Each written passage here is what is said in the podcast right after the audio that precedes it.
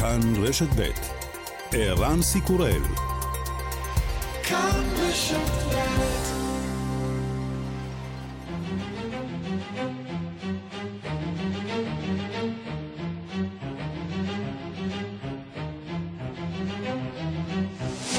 השעה הבינלאומית 21 באוגוסט 2022 והיום בעולם. ארה"ב מכריזה על עוד חבילת סיוע צבאי לאוקראינה המוערכת ב-775 מיליון דולרים. החבילה תכלול עוד תחמושת למערכות טילים ניידות, 16 תותחי הוביצר נוספים, ובפעם הראשונה מטוסים מתקדמים ללא טייס מסוג סקן איגל, שאמורים לשפר את יכולת הצבא האוקראיני לזהות טוב יותר יעדים רוסיים למתקפה. אוקראינה תציין השבוע 31 שנים להיווסדה ושישה חודשים לתחילת הלחימה.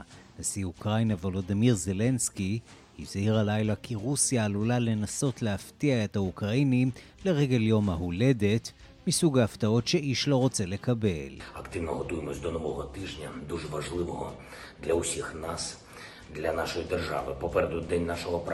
אנחנו מתכוננים באופן פעיל לשבוע הבא שיהיה חשוב מאוד לכולנו ולמדינה שלנו.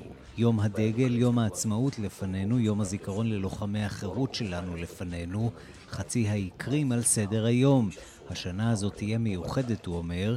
השנה אפשר לחוש בקרים באוויר שהכיבוש שם זמני, שאוקראינה חוזרת. עלינו להיות ערים לכך שהשבוע רוסיה תנסה לעשות משהו מרושע במיוחד, משהו אכזרי באופן מיוחד. שירותי הביון של אלבניה מנסים לגלות פרטים נוספים על שלושה חשודים, שני רוסים ואוקראיני, שפרצו אתמול למפעל נשק במדינה. החיילים במפעל הגיבו במהירות לפלישה, אבל בתהליך המעצר נפצעו שניים מהחיילים מחומר קימי. שר ההגנה ניקול פלשי אומר, אנחנו מתייחסים לפרשה ברצינות. Pavyzdžiui, që është një ngjarje që e vendosur edhe në kontekstin më të gjerë rajonal, edhe edhe geopolitik duhet duhet vlerësuar. האירוע לא מנותק מהסוגיות הגיאופוליטיות הגדולות יותר. בטרם נכנסו למפעל עסקו בצילום המתקן. בשלב הזה לא ברור אם מדובר במרגלים או בבלוגרים. המדינה הבלקנית אלבניה היא חברה בברית נאט"ו וידידה קרובה של ארצות הברית. ראש ממשלת אוסטרליה לשעבר סקוט מוריסון תחת מתקפה, לאחר שהתברר שבשיא משבר הקורונה השביע את עצמו לשר האחראי על חמישה משרדי ממשלה שונים ומרכזיים, והכל בחשאי מבלי לעדכן את הציבור. ראש הממשלה הנוכחי אנטוני אלבניזי דורש הסברים. I'm also somewhat surprised that there's been no uh, concept that there's a need to uh, say to the Australian people uh, that the wrong thing was done here in undermining our Westminster system of parliamentary democracy, but people will make their own judgment. אני מופתע שלא הייתה שם שום תפיסה שצריך לדווח לעם האוסטרלי שנעשה כאן דבר שגוי שחתר תחת השיטה הפרלמנטרית השאובה מווסטמינסטר. האנשים ישפטו את המצב בעצמם. עוד מנהיגה תחת מתקפה, סאנה מרין, ראשת ממשלת פינלנד, בקושי בת 35 ומאוד אוהבת מסיבות. אחרי שנחשף סרטון ובו היא נראית חוגגת, יש מי שדורשים שתעבור בדיקת סמים. Minulla ei ole mitään salattavaa, en ole käyttänyt huumeita eikä sikäli ole mikään ongelma mennä testeihinkään, mutta pidän myös aika erikoisena, että tällaista vaaditaan.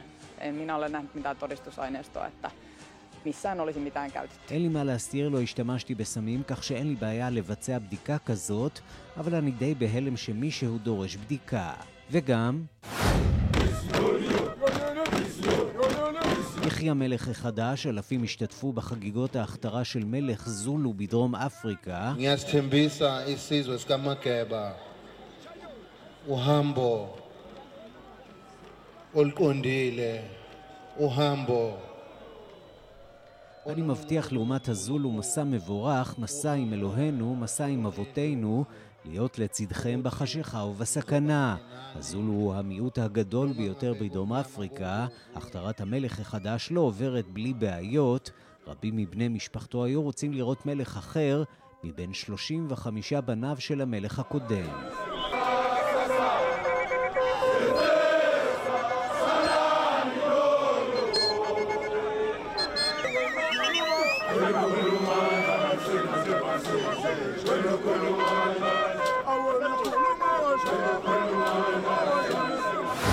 השעה הבינלאומית שעורך זאב שניידר, מפיקה אורית שולץ, בביצוע הטכני חיים זקן ושמעון דוקרקר, אני רנסי קורל, אנחנו מתחילים.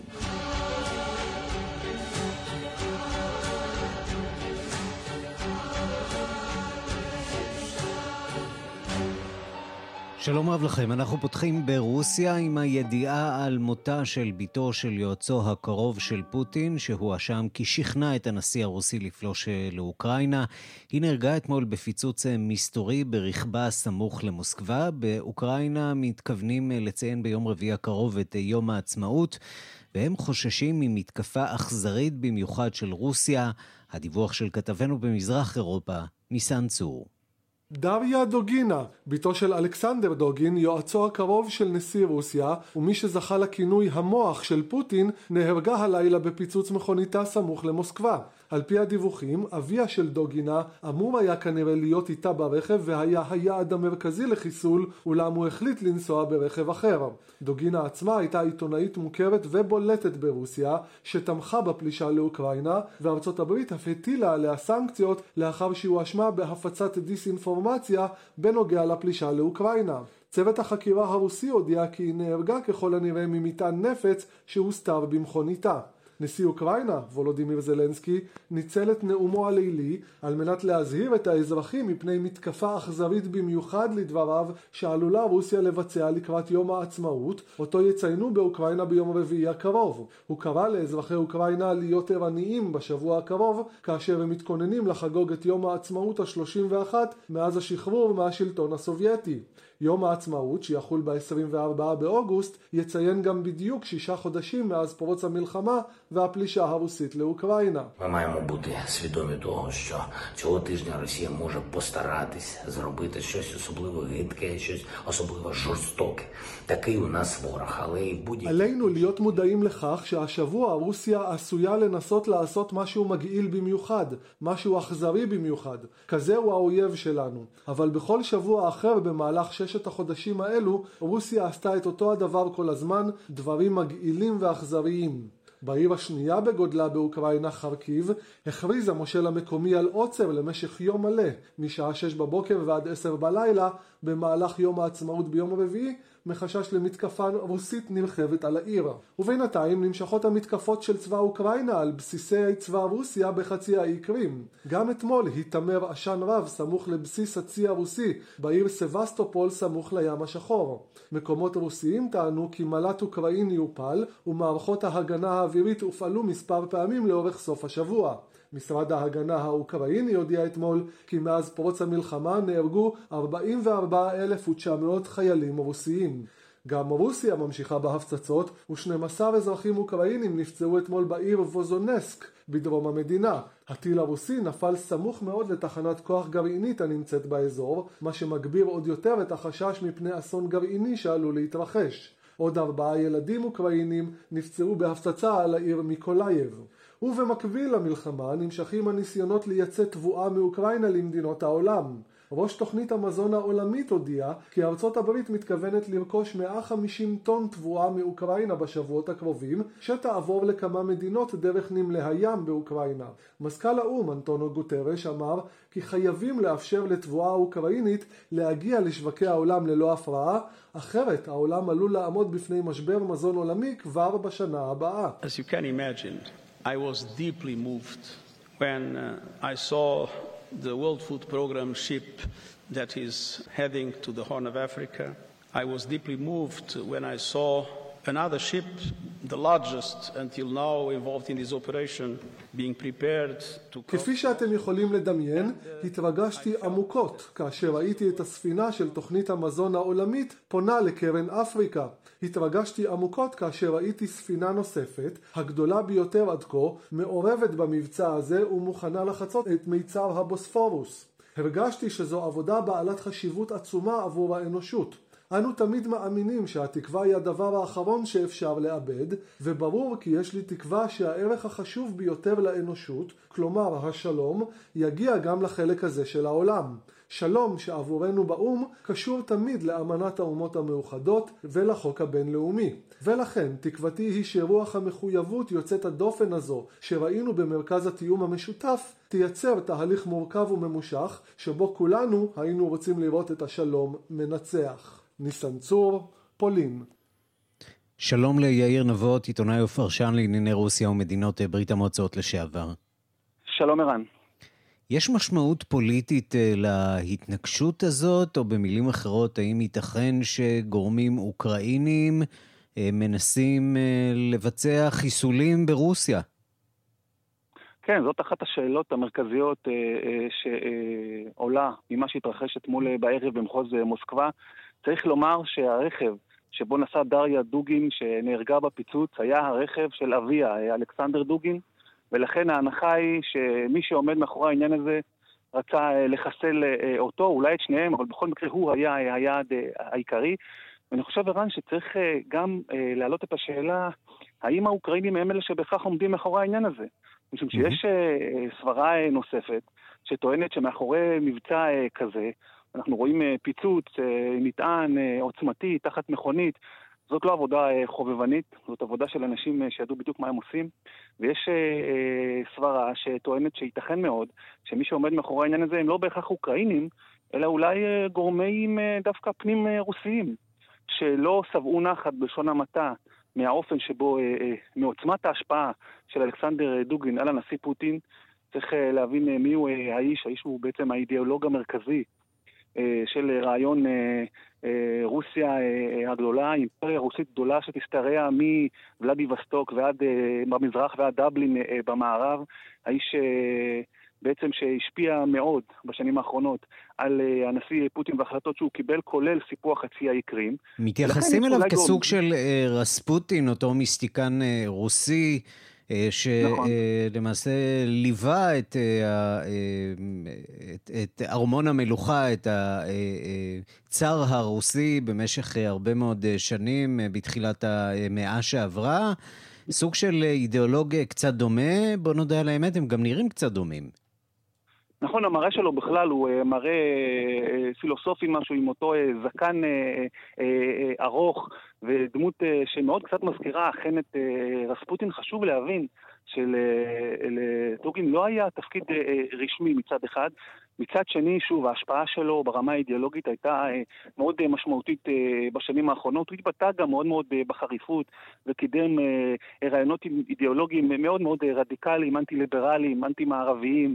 שדיברו שוב על, אה, על אימפריה רוסית, שמשתרעת על שטח אה, עצום ועל הצורך... טוב, אז פה בחיסול הזה כמובן נשארו הרבה סימני שאלה. מה שפחות אה, בסימן שאלה הוא העובדה שאוקראינה עכשיו נמצאת בסוג של מתקפה, והיא עכשיו לא מהססת לפגוע מעבר לקווי האויב. נכון, אנחנו רואים מגמה שמתפתחת בשבועות האחרונים ביתר שאת, שבה אה, אה, אוקראינה באמצעות אה, כוחות קומנדו או כוחות גרילה או סייענים ומשתפי פעולה פוגעת עמוק בשטח שבו שולטת רוסיה, והדוגמה הכי טובה היא כמובן חצי האי קרים, שנכבש וסופח במרס 2014, והפגיעות הללו הן פגיעות לא רק משמעותיות בהיבט המבצעי, משום שהאוקראינים פוגעים בבסיסי אוויר ופגעו והשמידו אה, מטוסים וציוד ואתרי לוגיסטיקה וכן הלאה, אלא גם אה, בהיבט התדמיתי שבו בעצם מצליחים אה, להשפיל את רוסיה, האזורים שבהם בוצעו הפעולות הללו בחצי האי קרים נמצאים הרחק מאוד מהחזית, אה, יותר מ-200 קילומטר, והאוקראינים בהחלט מנסים לשדר פה לרוסים. אנחנו uh, מצליחים uh, להביך אתכם ולהשפיל אתכם דווקא במקומות שבהם אתם חושבים שאתם מוגנים. עד כמה לדבר הזה תהיה השלכה מבצעית על מה שקורה בשטח, צריך כמובן להמתין ולראות, אבל זו מגמה שהולכת ומתרחבת בתקופה האחרונה. מכאן לעוד סיפור שמעורר הרבה מאוד אה, סימני שאלה. אני רוצה לצרף אלינו את אה, כתבנו, כתב חדשות החוץ יואב זהבי. שלום יואב. שלום ערן, שבוע טוב. סיפור על חשד לריגול רוסי באלבניה. שלושה בני אדם אה, נעצרו לאחר שהם ניסו לפרוץ למפעל לייצור נשק במזרח המדינה. במהלך התקרית הזאת נפצעו שני חיילים אלבנים. מי עומד מאחורי האירוע הזה? שאלה טובה. תראה, קודם כל נגיד שמדובר בשני גברים ואישה, הם העצורים בהחשד לריגול. לשניים מהם, לאישה ולאחד מהגברים יש אזרחות רוסית, אדם נוסף יש לו אזרחות אוקראינית. בשעות האחרונות מתפרסמים פרטים מהחקירה של שניים מהעצורים, גבר ואישה בשנות ה-20 וה-30 בחייהם. הם טוענים שהם בלוגרים, חובבי צילום של מבנים ישנים, ולכן צילמו את אה, אותו אה, מתקן לייצור נשק שנמצא במרכז אלבניה. אבל בחזקתם, כך טוענים במשטרת אלבניה, נמצאו חפצים אה, שבמשטרה טוענים שמשמשים לריגול, לכן זה מחש... מחזק את החשד שמדובר במרגלים. נזכיר רק שאלבניה היא חברה בברית הצבאית נאט"ו, רוסיה ונאט"ו אף פעם לא היו חברות טובות במיוחד, ודאי שזה החמיר מאוד בשנה האחרונה אחרי הפלישה לאוקראינה אה, וההצטרפות של מדינות נוספות כמו פינלנד ושוודיה לנאט"ו. אני רוצה להשמיע לך דברים, ערן, שאמר ניקו פלשי שהוא שר ההגנה האלבני לפני זמן קצר במסיבת עיתונאים. Çështja është padyshim që është një ngjarje që e vendosur edhe në kontekstin më të gjerë rajonal, edhe edhe gjeopolitik duhet duhet vlerësuar, nuk mund të kaloj si një. אז במהלך דבריו אומר בין השאר שר ההגנה האלבני, כי מה שגורם לנו לחשוד שמדובר במרגלים, העובדה שהם הגיעו ישירות לבסיס והתחילו לצלם, הוא קורא לרשויות שלא לפעול בפזיזות. נגיד ששלושת העצורים נכנסו לאלבניה על אשרת תייר, במהלך התקרית הם ריססו חומר קימי לעבר שני חיילים אלבנים ששמרו על המתקן הצבאי הזה, מתקן לייצור נשק. החיילים נפצעו לפי שעה, הם מאושפזים בבית החולים, אחד מהם במצב קשה. אני uh, קראתי דיווחים על כך שאחת הצורות, שהיא אכן בלוג, כלומר לכאורה היא בלוגרית, יש לה uh, דפי, uh, דפים באינטרנט ברשת החברתית אינסטגרם ובפייסבוק, שבה היא באמת מעלה צילומים של כל מיני מבנים ישנים מרחבי העולם. Uh, אני קראתי דיווח על כך שבעבר היא, היא מישהו שלמעשה היה איתה בסיור דומה במצרים, נעצר, ושוחרר לאחר התערבות של משרד החוץ הרוסי. אלה כאמור העדכונים שיש לנו לפי שעה, זה בכלל נראה חשוד בגלל התזמון, לאו דווקא בגלל שמדובר באנשים שצילמו איזשהו בסיס או איזשהו מתקן. בגלל התזמון שעליו אנחנו מדברים, כן, עם המלחמה. של אוקראינה, כן, המלחמה, ואנחנו יודעים שהעניין של הריגול הרוסי הוא דבר שכיח למדי, והרוסים ידוע, מפעילים סוכנים כאלה ואחרים במדינות רבות. ראינו אגב, צריך להגיד, גם את מה שקרה עם ראשת ממשלת פינלנד, עם אותם סרטונים שניסו כביכול להביך אותה. גם כאן, לא מעט מומחים חושדים שייתכן שהסרטונים האלה הופצו דווקא בתזמון הזה, מאחר שפינלנד הצטרפה לאחרונה לברית, מתעתדת להצטרף בקרוב לברית הצבאית נאט"ו, לאחרונה גם אמרה שהיא תקצץ באשרות התייר שהיא נותנת לאזרחים רוסים, ייתכן שבמוסקבה מישהו לא אוהב את המהלכים האלה שאנחנו רואים בקרב חברות בנאט"ו, חברות עתידיות בנאט"ו, ולכן שלחו לשם מרגלים. ייתכן גם, ערן, שאותם שלושה הם בסך הכל אכן בלוגרים חובבים שרצו לצלם מבנה ישן, למה המבנה הזה היה דווקא בסיס צבאי או מתקן לייצור נשק. בשלב הזה לא ברור, אנחנו נמתין לפרטים נוספים. כן, לא בטוח שלצלם דווקא מפעל נשק בעיצומה של מלחמה חמה. זה חכם זה... במיוחד. כן, חכם במיוחד. יואב זהבי, כתב חדשות החוץ, תודה. תודה רבה, יאן. אנחנו שבים אליך, יאיר נבות, עיתונאי ופרשן לענייני רוסיה. אנחנו אוהבים לדווח על עובדות, אבל ביום הזה אנחנו מדברים על לא מעט קונספירציות והרבה מאוד פעילות סמויה שמתבצעת מתחת לפני השטח, גם בצד האוקראיני, גם בצד הרוסי, וגם אלבניה נגררת לתוך הסיפור הזה. למה בעצם אלבניה? אלבניה? כן, קודם כל צריך לזכור שרוסיה לא מהיום כמובן רוכשת באזור אה, הבלקן. אנחנו היינו עדים להסלמה בין אה, סרביה לבין אה, קוסובו אה, לאחרונה, מחלוקת, אה, משבר חריף שכמעט הידרדר לחילופי אש וחלילה גם אה, למלחמה. גם שם אה, יש אה, ככל נראה מעורבות אה, רוסית אה, כבעלת הברית המרכזית של סרביה. אה, לרוסים אזור הבלקן כמובן אה, חשוב. ואלבניה, כפי שציין נכון יואב, היא חברת אה, נאט"ו. הניסיונות הרוסים להתערב באזור הזה ולעשות פעולות שאפשר להגדיר אותן כפעולות של איסוף מודיעין או, או ריגול. זה לא דבר חדש, זה קרה בשנים האחרונות אגב גם בבולגריה, שם סוכנים רוסים פוצצו מאגרי תחמושת של חברה שבעצם המאגרים הללו יועדו להגיע לצבא אוקראינה כבר לפני כמה שנים. ולכן העניין הזה הוא לא משהו חדש. מה שבהחלט קצת מפתיע, אני חושב, זה אולי מידת הסרבול שבפעולה הרוסית והקלות שבה האנשים הללו נתפסו ונעצרו, אבל קשה לומר שזה מפתיע, זה חלק מאותו מערך פעילות רוסי מאוד מאוד נרחב באירופה בכלל ובבלקן בפרט, שנועד לקדם את האינטרסים של רוסיה. והערכה שהשמיע כאן כתבנו יואב זהבי על אותם סרטונים שהופצו ברשתות החברתיות מהמסיבה שהשתתפה בה ראשת ממשלת פינלנד, עד כמה זה סביר שרוסיה תנסה להביך את ראש ממשלת פינלנד? בהתחשב בעובדה שפינלנד כמובן עומדת להצטרף באופן סופי לנאט"ו עד סוף השנה, שהתהליך הזה צובר תאוצה והוא כנראה מוגמר, אני חושב שאפשר להניח שיש גורמים ברוסיה שהיו רוצים לראות אי יציבות פוליטית בפינלנד, אגב גם בשוודיה לצורך העניין, ועושים מעשים שונים ופעולות שונות כדי לקדם ולעורר אי יציבות באותן מדינות. ונפילת הממשלה של ראש ממשלת פינלנד, סליחה, אולי על רקע תמונות וסרטונים מביכים לכאורה שלה מהעבר הקרוב, בהחלט יכולים לקדם את השאיפה הזאת של הרוסים ואת האינטרס הזה. וכך אני חושב צריך לראות את זה. אנחנו כמובן לא יודעים בוודאות שרוסיה היא זו שעומדת מאחורי הפצת הסרטונים האלה, אבל זו אפשרות שהיא יכולה, שהיא מאוד מאוד סבירה. יאיר נבות, עיתונאי ופרשן לענייני רוסיה ומדינות ברית המועצות לשעבר, תודה רבה לך על הדברים. תודה.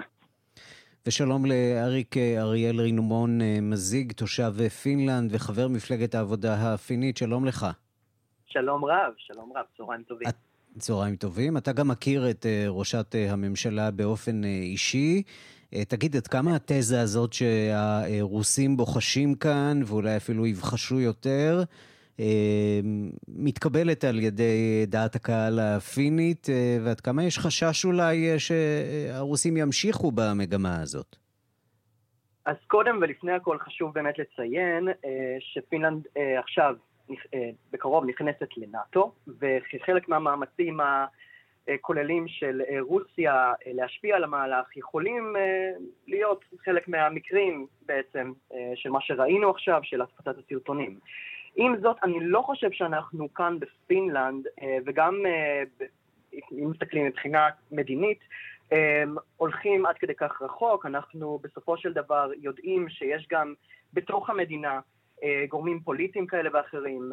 בסופו של דבר מדובר בראשת ממשלה צעירה, צעירה בעולם, בת להורות גאות, ויש כאלו שאולי זה פחות מגיע להם, אתה יודע, כמו שאומרים בצורה טובה, בצורה חלקה. היו רוצים לראות אותם מבחוץ, אי אפשר לדעת. אבל זה תגיד, מה שחושבים... תגיד, עד כמה פינלנד היא חברה אה, ליברלית? אנחנו לרוב מתייחסים לסקנדינביות כסוג של גוש אחד, אבל זו התייחסות לא בהכרח אה, נכונה. לפינלנד יש את ההיסטוריה שלה.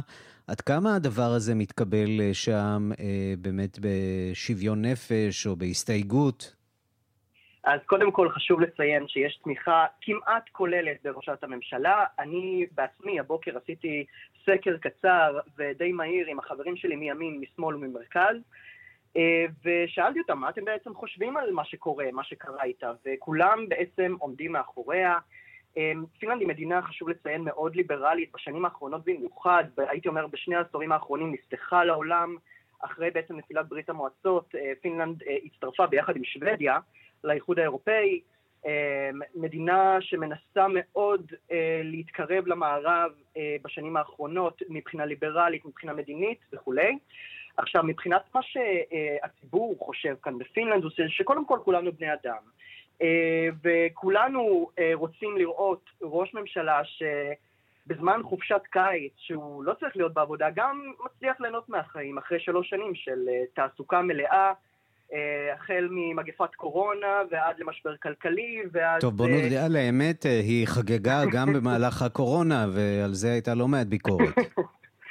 כן, כן, נכון, אבל זה היה, זה באמת היה משהו שהוא בנפרד. חשוב לציין שאז באמת היא התנצלה. היום זה מאוד שונה, כי באמת זה קרה, שוב, בזמן שהייתה בחופשת קיץ, כל הסרטונים שהופצו, כביכול, הופצו ממסיבה פרטית, הם לא היו צריכים להיות מופצים מלכתחילה.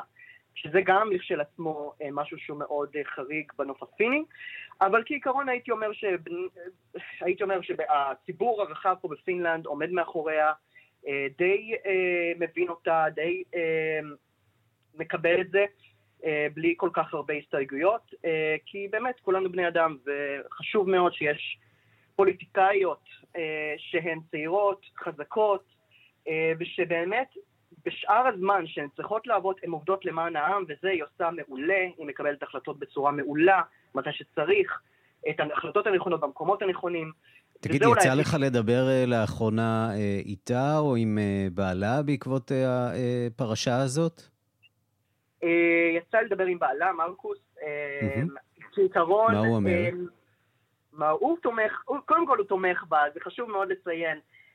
הוא רואה בכל מה שקרה בתור משהו שכמו שאני טענתי, חבל מאוד שקרה ושהופץ לקהל הרחב, לא היה צריך לקרות, ובין היתר כמובן שהוא תומך בה, זאת אשתו, יש להם ילדה משותפת, ואין שום דבר רע בזה שבן אדם אה, נהנה קצת, אה, במיוחד אחרי כל כך, אה, תקופה מאוד, מאוד קשה. יכול להיות שהרוסים שאולי רצו אה, להחליש אותה, אה, לא קראו את המפה נכון, והסיפור הזה דווקא אה, יחזק אותה, יעזור לה להיתפס כאנושית, כאחת שבאה מהעם? אכן, זה בדיוק הנקודה הבאה שלי. אה, חשוב אה, לסאנה מרין, ראשת הממשלה שלנו, בעצם להציג את עצמה כאחת מן העם, אה, אחת שפועלת למען העם, שגם מתנהגת כמו כולם, כמו הבן אדם הכי הכי, הייתי אומר, מהרחוב או מכל מקום אחר, חשוב לה לקבל את זה, גם אם אנחנו נסתכל על העובדה שבשנים האחרונות הקהל הצעיר יותר זונח דווקא את המפלגה הסוציאל דמוקרטית הפינית ועובר למפלגות ליברליות יותר, פה יש לה נקודת זכות שיכול להיות שהרוסים אה, אולי, אם, אני לא יודע, אה, אם זה בהחלט אה, מזימה או קנוניה כזו, רוסית כזו או אחרת, אז אולי הם כן יראו בעצמם, כי זה מוביל לכך שבעצם היא מקבלת חשיפה חיובית, אנשים מבינים אותה. והכי חשוב זה גם, אם בואו נסתכל על, על העובדות, לפני כמה חודשים היה סרטון של בוריס ג'ונסון, אני לא זוכר שזה זכה לכזאת תרעומת תקשורתית ולכזה עליהום עליה מכל כיוון אפשרי, ימין, אתה שמאל. אומר שיש פה, אה, אגב, בוריס ג'ונסון אה, איבד את אה, כיסאו בין היתר בגלל פרשות מהסוג הזה, היה לזה כאן אכן. אפקט מצטבר. אבל אתה אומר, פה זה סיפור אחר, במידה רבה בגלל שהיא אישה, נכון? זה סיפור שונה, אני חושב שיש הרבה מאוד שהיו שמחים אה, לראות אותה אה, מחוץ לממשלה, הן בפינלנד והן מחוצה לה. אמ, אני לא בדיוק נכנס למי מה כי זה באמת אה, קטונתי, אבל אני כן בטוח שהיריבים הפוליטיים שלה, אה, זה יום אה, חג להם. גם חשוב לציין שבשביל להתמודד עם אותה ביקורת, כביכול מה, מהכיוון הנגדי, היותר ימני במפה הפוליטית, mm-hmm. היא הכריזה לפני יומיים על זה שהיא מרצונה החופשי הולכת לבדיקת סמים, בעצם כי היו כאלה שטענו שבמהלך אותם הסרטונים אה, היו אה, קריאות כאלו ואחרות על כך שהיא, אה, קריאות כאלו ואחרות להשתמש בקוקאין, היא אומרת לא היה ולא נברא, ואפילו מעבר לכך הלכה, עשתה בדיקה ואנחנו נדע את התוצאות שבוע הבא, אבל היא בהחלט פרסמה את זה ולקחה אחריות על כך ואומרת שלא היה ולא נברא. בסך הכל היה קצת כיף, קצת אלכוהול, כמה חברות, וכמו כל בני האדם בחופשה, גם לה מגיע ליהנות. אריק אריאל רימון מזיג, תושב פינלנד, חבר מפלגת העבודה הפינית. מה נאחל לך שתחגוג במסיבה הבאה גם עם ראש הממשלה של פינלנד?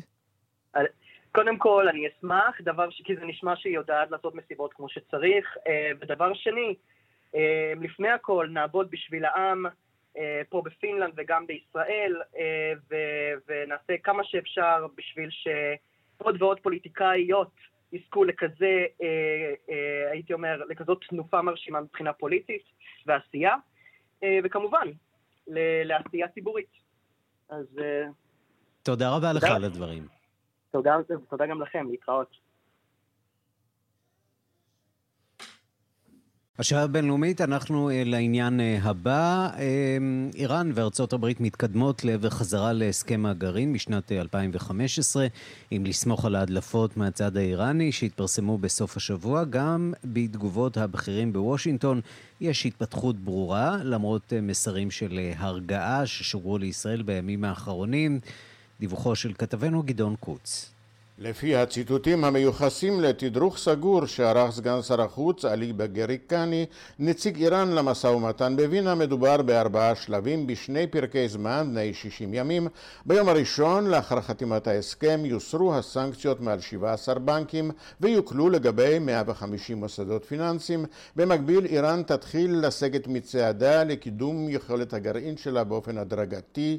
יופשרו 7 מיליארד דולר של איראן שהוקפאו בדרום קוריאה ובתמורה היא הסכימה לשחרר את כל האסירים האמריקנים. איראן תוכל לייצר 50 מיליון חביות נפט ביום, לאחר שיחלפו 120 ימים ממועד החתימה, ועד אז תוכל לייצר 2.5 מיליון חביות נפט בכל יום. בנוסף לכך, ההסכם המתגבש כולל התחייבות של ארצות הברית לשלם קנס כספי במידה שתיסוג שנית מההסכם שבו נכתב כי המשתתפות מציינות את ההתחייבות הנחושה של נשיא ארצות הברית לחזור למילוי ההסכם כל עוד איראן נותרת מחויבת לו. לפי בגריקני, הנוסח מבטיח שנשיא ארצות הברית יקיים את ההסכם. הפעלת הסנפבק, החזרת הסנקציות במקרה של הפרת ההסכם, תיתכן רק בהתבסס על דוחות של הסוכנות הבינלאומית לאנרגיה אטומית. הצדדים ידונו בסוגיית הסרת משמרות המהפכה מרשימת ארגוני הטרור האמריקנית לאחר חידוש ההסכם. ארצות הברית לא תטיל סנקציות על חברות פטרוכימיות שעושות עסקים עם משמרות המהפכה. איראן סירבה לכלול במשא ומתן סוגיות הקשורות לטילים הבליסטיים ולעניינים האזוריים סירבה להרוס את הצנטריפוגות המתקדמות שלה ולהבהיר כמה היא קרובה לנקודת הפריצה לפצצה הגרעינית. אבל סוכנות נור ניוז של משמרות המהפכה אומרת שכל הדיווחים על כך שיש הסכם או הסכמות אינם נכונים והיא מוסיפה מחכים לתשובה רשמית של המערב. העמדה הרשמית של איראן כלולה בדברי דובר משרד החוץ נאסר כנעני. تأمین شد ما معتقدیم حتما زمینه برای توافق وجود داره. مشروط بر این که خطوط قرمز جمهوری اسلامی ایران ניתן להשיג הסכם בקרוב עם ארצות הברית, תשמור על הקווים האדומים שהציבה איראן. חבר בוועדת הביטחון הלאומי של הפרלמנט אמר כי איראן לא תסכים להמשך העיצומים נגד משמרות המהפכה, הסרת העיצומים הייתה עדיפות עבורנו בשיחות ולא הוסרה, ואילו גורם בכיר בממשל ביידן אומר כי דווקא הטקסט הנוכחי של ההסכם והדרישות שלהם לא מזכירים את משמרות המהפכה, אז אנחנו קרובים להסכם, זו הסיבה.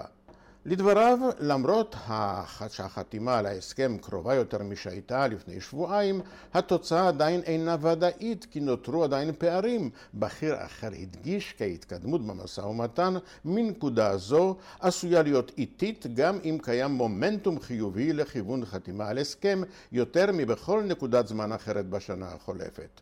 כל זה כאמור לא מרגיע את ישראל ובמגעים האינטנסיביים שהיו בסוף השבוע הדגישו האמריקנים שוב ושוב כי בניגוד לדיווחים שונים בתקשורת אין ויתורים חדשים שממשל ביידן הסכים לעשות כחלק מטיוטת ההסכם של האיחוד האירופי ובכל מקרה חתימה על הסכם גרעין אינה צפויה בטווח הזמן המיידי לדברי דובר משרד החוץ נד פרייס מדובר באותו הסכם שהיה על השולחן מחודש מרץ. We have in fact received Iran's comments on the EU's proposed final text. We have received them through the EU. Uh, we're in the process of studying them. Uh, we are at the same time engaged in consultations with the EU and our European allies. בכל מקרה, השיחות שיקיים היועץ לביטחון לאומי אייל חולתה ביום שלישי בוושינגטון צפויות להיות קשות. כאן גדעון קוץ. שלום לכתבנו בוושינגטון, נתן גוטמן. שלום ערן. האם לממשל האמריקני כבר ברור שחוזרים להסכם הגרעין, והאם הציבור בארצות הברית יסכים למהלך הזה? תראה, שום דבר לא גמור עד שלא הכל גמור, אבל הרושם לפחות שהממשל נותן הוא שלראשונה אנחנו נמצאים במקום, בעמדה מאוד טובה לחזור להסכם הזה.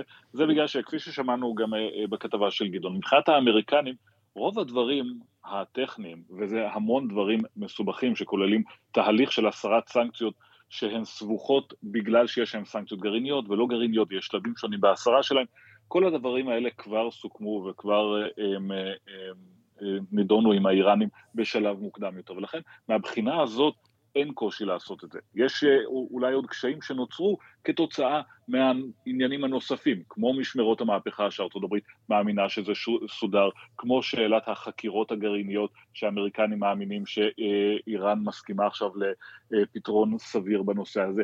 אה, הנקודות הן עדיין הן בשלב הזה כבר קטנות. ולכן השאלה היא איך הממשל רוצה להמשיך הלאה. ברור שהממשל רוצה בהסכם, ברור שהממשל מאמין שאנחנו מאוד קרובים, ולכן סביר שיהיה הסכם, ואז תתחיל פעילות השיווק הציבורית שלו. גם uh, כלפי uh, חברי קונגרס, שגם להם תהיה אמירה בנושא הזה, גם כלפי הציבור האמריקני, גם כמובן כלפי בנות ברית, כמו uh, ישראל, סעודיה ומדינות המפרץ. האמריקנים מוכנים למאבק הזה, למאבק השכנוע הזה, אם ידרשו לו, יש גם איזושהי אמונה שאנחנו שומעים בחוגים של הממשל ובחוגים פוליטיים, שזה יהיה הרבה יותר קל הפעם מאשר ב-2015, שהשכנוע של הצדדים לא יהיה משימה קשה כל כך כמו שהיה אז, כי הסכם הגרעין כבר מוכר, כי המחיר הכבד שמשלמים כאשר אין הסכם גם הוא ידוע, וגם כי ישראל אולי תשחק תפקיד פחות בעייתי מבחינת האמריקנים בהקשר הזה. זהו, מה, מה חושבים האמריקנים שחושבת ישראל לצורך העניין? כי הקולות כאן הם אה, לא חד משמעיים. אה, ישראל אה, לא מסתירה את דעתה מהאמריקנים, גם לא באופן פומבי וגם לא בצינורות הדיפלומטיים. מעניין לשמוע שורה שתמיד חוזרת אצל דוברי הממשל. הם כל הזמן אומרים, כאשר הם נשאלים על עמדת ישראל, הם לא עונים על העמדה של ממשלת ישראל, הם אומרים, תראו, מומחי ביטחון ישראלים וגנרלים אה, ישראלים, גם כאלה שבעבר התנגדו להסכם, כיום רוצים בחזרה להסכם. כלומר, האמריקנים כן רואים איזה שהם גוונים בתוך ה- היחס של ישראל להסכם הזה, לא רק החזית המונוליטית הזאת שבה אה, אה, בגדול אין הבדל גדול בין נתניהו ללפיד ובנט, אלא אה, עם איזשהו מגוון יותר גדול של דעות, שבו דווקא הממסד הביטחוני מראה יותר גמישות. נתן גוטמן, כתבנו בוושינגטון, תודה. תודה רבה.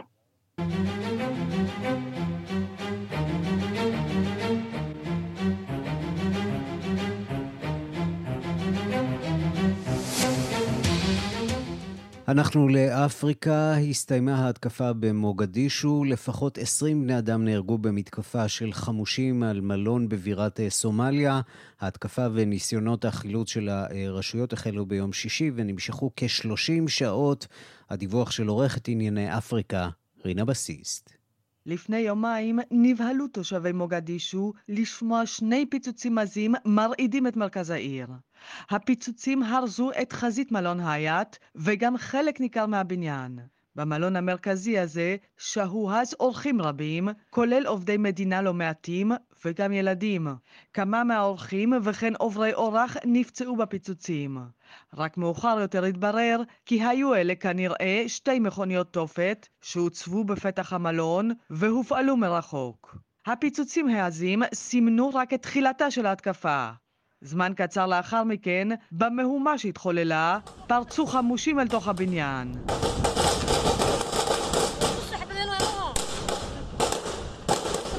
התוקפים ירו לכל עבר, ואחר כך התבצרו בקומה השנייה, כשהם אוספים חטופים אל תוך חדר בבית המלון. דיווחים אחרים טענו כי התוקפים הטמינו פצצות בחדר המדרגות כדי למנוע מאנשי ביטחון סומלים להגיע עד אליהם. ואכן הקרב בין התוקפים והביטחון הסומלי נמשך שעות ארוכות. תושבי מוגדישו העידו על חילופי ירי שנמשכו אל תוך הלילה בשישי ולאורך שבת. לאט לאט עשו החיילים הסומלים את דרכם אל עבר התוקפים, אבל הדרך לשם הייתה קטלנית. נראה כי בסך הכל נהרגו בשלושים השעות האלה לפחות עשרים אנשים, מרביתם אזרחים. מספר הפצועים עדיין לא ידוע. הארגון האסלאמיסטי אל-שבאב, המקורב לאל-קאעידה, לקח אחריות על הפיגוע. אל-שבאב שולטים בכמה אזורים במרכז ודרום סומליה, אבל הם לא הצליחו בינתיים להרחיב את מעגל השלטון שלהם. בשבועות האחרונים הם ערכו כמה התקפות, בעיקר נגד חיילים, בגבול של סומליה עם אתיופיה. סוכנויות מודיעין חוששות שהארגון מנסה כעת לשנות אסטרטגיה ולהרחיב את פעילותו. ההתקפה על מלון הייט הייתה הגדולה ביותר והקטלנית ביותר בתקופה האחרונה. בחודש מאי השנה נערכו בחירות בסומליה, ונשיא חדש עלה לשלטון, חסן שייח' מחמוד.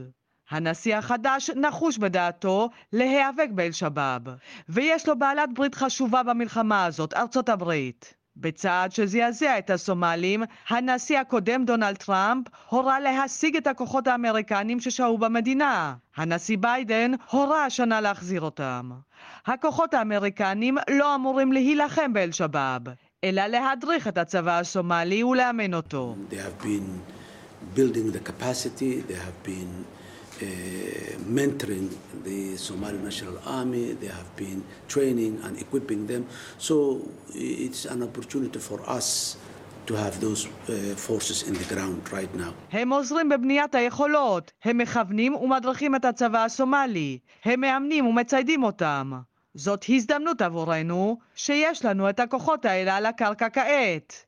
כך אמר שייח' מחמוד כמה ימים לאחר שנבחר כנשיא. ההתקפה בסוף השבוע מדגישה כמובן את הצורך העמוק של סומליה בבעלות ברית, כדי להצליח סוף סוף להדוף את אל-שבאב ואל-קאעידה אל מחוץ למדינה.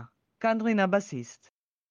השעה הבינלאומית, אתמול הוכתר מלך חדש לזולו, זוהי הקבוצה האתנית הגדולה ביותר בדרום אפריקה, הוכתר לאחר קרבות ירושה ממושכים ומתנגדים במשפחת אה, המלוכה עצמה, שמעדיפים אה, שניים מאחיו. הקרב הזה ודאי צפוי אה, להימשך לתוך כהונתו של מלך זולו. הדיווח של כתבתנו בדרום אפריקה, מיכל ליון.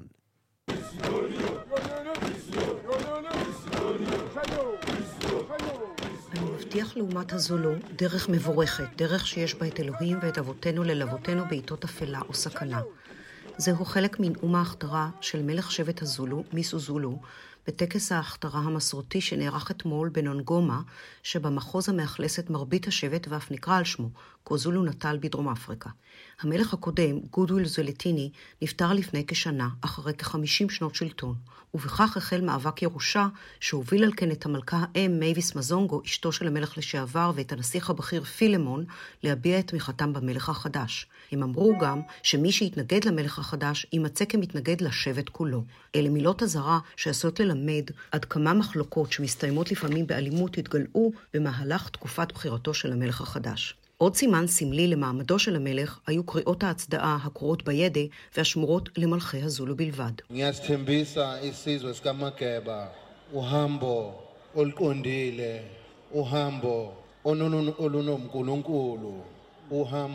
מיסזולו, בן ה-48, הוא הבן השלישי שעודו בחיים של המלך גודול זולטיני. אלפי אנשים נקבצו יחד לטקס המורכב בארמון, ובמהלכו המלך החדש נכנס למתחם הבקר המקודש, כדי לקרוא לאבותיו לעמוד לצידו בהכתרה. למעלה מעשר פרות נשחטו לכבוד הטקס. המלך עטה פרוות אריה, שאותו צד לקראת האירוע המלכותי. למלך הזולו אין למעשה כוח פוליטי רשמי, אבל כחמישית מתושבי דרום אפריקה משתייכים לשבט הזולו, ובכך יש להם השפעה משמעותית, ותקציב שנתי הממומן מכספי המדינה של קרוב לחמישה מיליוני דולרים. זאת ועוד, לשבט הזולו היסטוריה ארוכה הכוללת את התבוסה שהנחילו לצבא הבריטי בקרב איסנדלואנה ב-1879. חלק מההיסטוריה הזו משובצת ברציחות סביב מלחמות על הכתר, כולל המלך האגדי קינג שקה, שרצח את אחיו בראשית המאה ה-19 כדי להשתלט על כס המלוכה, ובעצמו נרצח שנים מאוחר יותר בעלילה שנרקמה נגדו על ידי אחיינו. אבל מלחמות הירושה שהתחוללו כאן בשנה החולפת היו מביכות ציבורית. פלגים שונים בבית המלוכה ניהלו מערכות בחירות שחלקן הגיעו להליכים משפטיים. בעת מותו של המלך זבולטיני היו לו שש נשים, והוא מינה את אשתו השלישית להיות שומרת הכס, בשל מעמדה הגבוה כבת לבית מלוכה בזכות עצמה. חלק מתנאי נישואיה אליו היה שבנה בכורה יירש את כס המלוכה. היא נפטרה כחודש אחרי המלך, ובנה מסוזולו הפך ליורש הטבעי. אבל, כאמור הפלגים האחרים, הנחלקים לשלושה, טענו שהוא אינו זכאי לכתר. אחיו פנה לבית המשפט כדי לעצור את ההכתרה, פלג אחר הכתיר את אחיו למחצה הבן הבכור מכל הנציחים לפני כשבוע, אבל אחד ממנהיגי השבט הבולטים, הפוליטיקאי הוותיק מנגוסטו בוטלזי, הכריז שזוהי פרובוקציה מטופשת.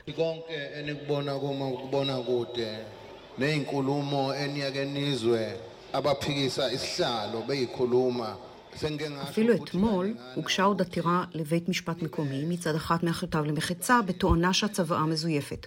בית המשפט דחה את העתירה. על רקע זה מילותיו של המלך החדש משמעותיות. אני יודע שאתם מודעים למצבו של בית המלוכה בעת האחרונה. אני מבקש שעל אף מה שאתם שומעים בתקשורת וההערות שמעירים אלה המתנגדים לכתר, עליכם לשמוע אותם, אבל לא להקשיב להם. מיכל ליאון, קייפטאון.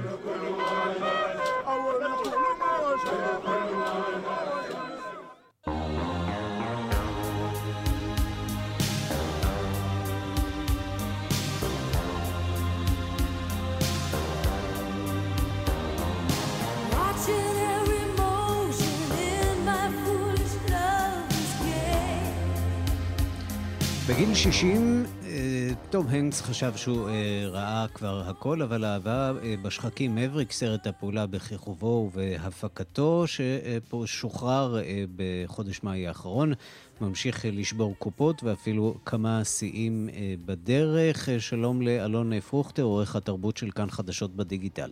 היי, שלום ערן. תום קרוז, כן, זה טעות שלי שם. תום קרוז, כמובן, כמובן. בהחלט. במה מדובר הפעם? אז כן, אה, שלושה חודשים עברו מאז שסרט הפעולה אהבה בשחקים מבריק, כמובן סרט המשך לאותו סרט קלאסי מ-1986, יצא לאקרנים, ומהר מאוד הוא נחשב להצלחה מסחררת, כשבסוף השבוע הראשון שלו הוא כבר הכניס יותר מ-100 מיליון דולר מסביב לעולם. הבוקר התבשרנו שהסרט הזה ממשיך לעשות היסטוריה, בעיקר בארצות הברית, שם הוא הגיע הלילה למקום השישי בדירוג הסרטים הרווחיים בהיסטוריה, שוב נדגיש, בארצות הברית בלבד. הפעם הוא הדיח את סרט אה, גיבורי העל של מארוול, הנוקמים מלחמת האינסוף, שיצא לפני ארבע שנים. לפני שבועיים הוא הדיח מהמקום השביעי את טיטניק של ג'יימס קמרון. אז אה, מאז שהוא יצא לאקרנים, סרט ההמשך הזה הכניס ברחבי העולם יותר ממיליארד ושלוש מאות מיליון דולר. זאת מבלי שהוא הוקרן ברוסיה ובסין. ואם תהיתם מי ניצבים מעל אה, ברשימה הנחשקת הזאת, נגיד בזריזות, מהמקום החמישי לראשון, הפנתר השחור, אבטאר, גם של ג'יימס אה, קמרון, ספיידרמן אין דרך הביתה, שיצא בדצמבר האחרון, הנוקמים סוף המשחק, ובמקום הראשון, מלחמת הכוכבים, הכוח מתעורר, שיצא לפני שבע שנים בדיוק. וזה חשוב במיוחד בתקופה הזאת, אחרי השנתיים שעברו על אה, עולם הקולנוע, שנמצא במשבר אה, עמוק, ההתמודדות מול ספקיות הסטרימינג, שהופכת קשה נכון מתמיד. מאוד. אנחנו שומעים שבבריטניה, אחת מרשתות בתי הקולנוע, אותם מולטיפלקסים, עכשיו אה, בשלבי אה, קריסה. יש mm-hmm. מעט מאוד סרטים שמצליחים לעשות את מה שתום קרוז אה, עושה. נכון, ועוד בפסטיבל כאן, שם הייתה הפרימיירה של הסרט הזה, וגם עשו לו ערב גאלה מיוחד לתום קרוז.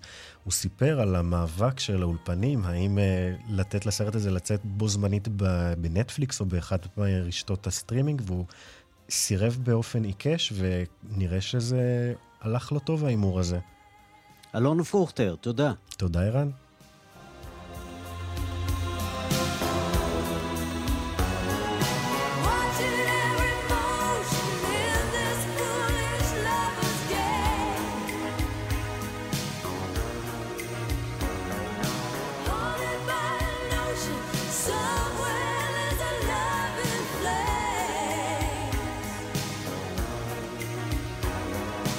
כאן השעה הבינלאומית מהדורת יום ראשון שערך זאב שניידר, המפיקה אורית שולץ, הטכנאים חיים זקן ושמעון דוקרקר, אני רנסי קורל. מיד אחרינו רגעי קסם עם גדי לבנה, אנחנו ניפגש שוב מחר בשתיים בצהריים עם מהדורה החדשה של השעה הבינלאומית. ועד אז המשיכו להתעדכן 24 שעות ביממה ביישומון של כאן, שם תוכלו למצוא את כל הדיווחים, הפרשנויות, הכתבות ומהדורות הרדיו והטלוויזיה בשידור חי. גם עמוד הפייסבוק של כאן ב' מחכה לכם. אני מחכה לכם בטוויטר, חפשו אותי שם. ערן סיקורל, להתראות.